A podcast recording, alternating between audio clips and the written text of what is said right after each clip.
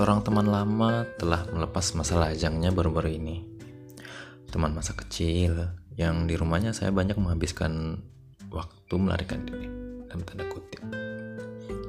Saya tak pernah menyangka ia menjatuhkan pilihan kepada seorang perempuan dari kampung halaman. Ya terlepas dari perempuan itu memang idaman para laki di kampung. Teman saya itu sebenarnya punya pacar dari kota lain Masa kuliahnya juga dihabiskan dengan menjalin hubungan dengan perempuan yang berasal dari jurusan kedokteran. Sekilas, ia pernah menyuarakan keraguan dengan hubungan itu.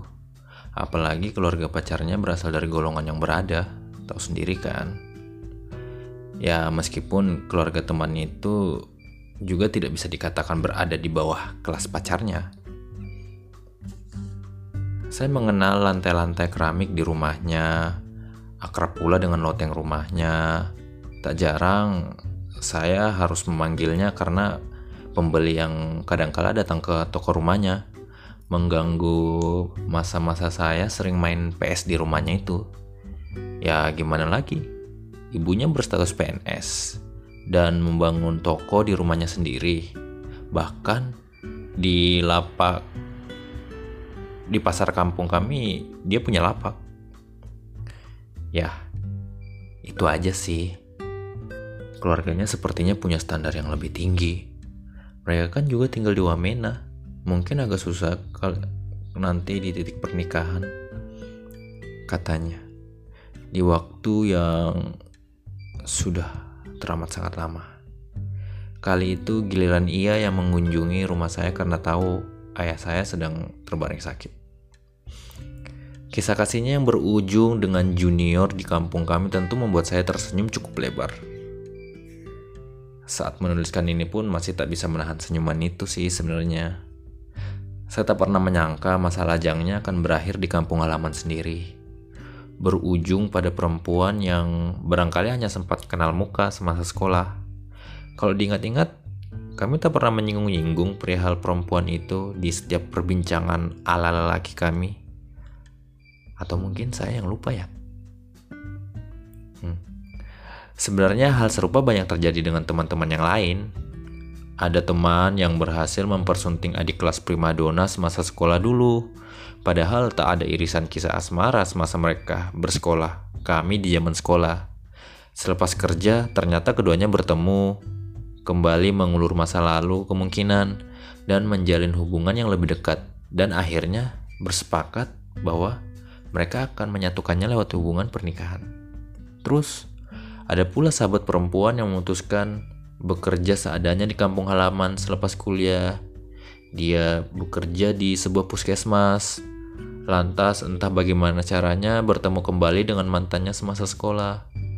Lalu keduanya memperbaiki hubungan satu sama lain dan mengukuhkan juga dalam hubungan pernikahan. Lantas, ada teman lainnya juga, seorang senior yang hatam dengan banyak perempuan. Perjalanannya bekerja di Pulau Kalimantan yang cukup jauh, juga malah berlabuh dengan seorang perempuan di kampung halaman. Lagi-lagi, kami mengenal istrinya sebagai perempuan yang sebenarnya tak pernah beririsan kisah dengannya di waktu SMA dulu. Barangkali ya, kita pernah sekedar menjadikannya sebagai, sebagai bahan gibah di nongkrong depan rumahnya.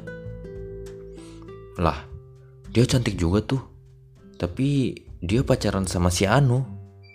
Ya semisal seperti itulah perbincangan ala kami di zaman waktu itu. Iya dan semuanya itu ternyata menemukan jalan untuk kembali ke pelukan kampung halaman. Entah bagaimana Cerita-cerita itu membuat saya berpikir tentang jalan yang akan saya tempuh pula kelak. Kita tak pernah tahu kepada siapa janji sehidup semati akan terucap. Apakah teman masa kecil, teman sekolah, teman kuliah, temannya teman, temannya temannya teman, teman di dunia maya, teman kerja, kenalan tiba-tiba di suatu tempat, atau bahkan orang yang tiba-tiba datang tanpa pernah kita bersinggungan dengannya di kehidupan sebelumnya. Ya who knows? Idealnya kita bisa menikah dengan orang yang benar-benar dicintai. Orang yang kepadanya kita ingin menjatuhkan hati. orang yang kepadanya kita rela menyediakan bahu untuk segala resah. Akan tetapi, sesuatu yang ideal tak selalu berjalan sebagaimana yang diharapkan, bukan? Saya teringat dengan kata salah satu seniman yang seniman kondang dan termasuk necis bahwa menikah itu nasib, mencintai itu takdir. Kamu dapat berencana menikah dengan siapa, tapi tak bisa rencanakan cintamu untuk siapa.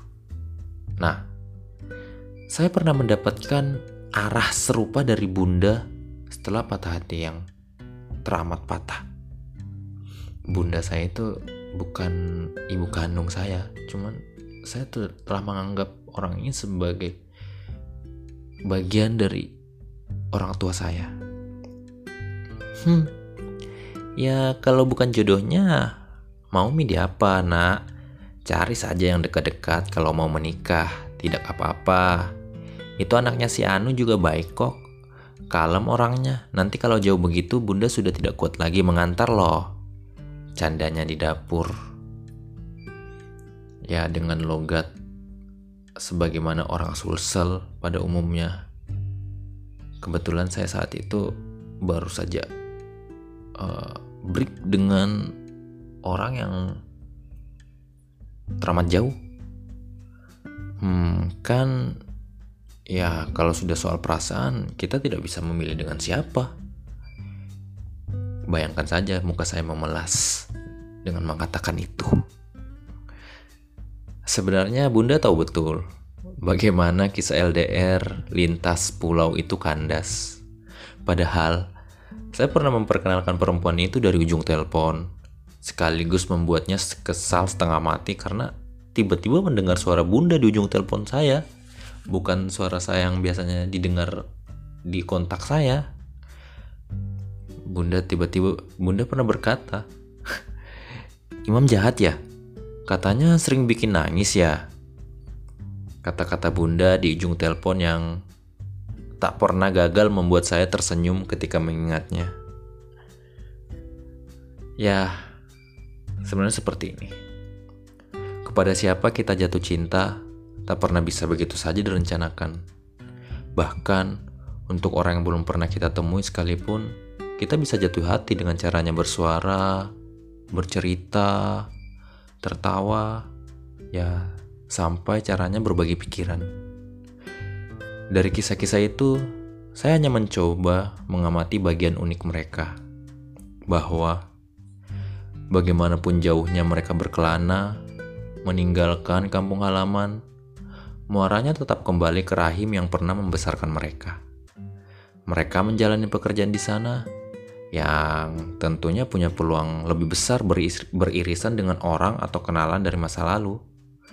Mereka yang menjalani pekerjaan di luar tetap menemukan pasangan yang ternyata menghubungkan mereka untuk pulang ke kampung halamannya. Bagi mereka, kampung halaman adalah sebaik-baiknya jalan yang mereka temukan. Tak ada lagi alasan untuk berbalik arah. Bisa jadi karena sudah terlampau lelah Sisanya lagi ya merasa tak ada yang salah.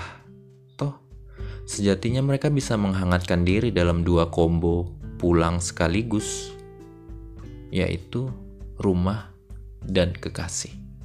Rumah sebagai tempat di mana mereka dilahirkan, kekasih sebagai tempat mereka akan merasa senantiasa pulang.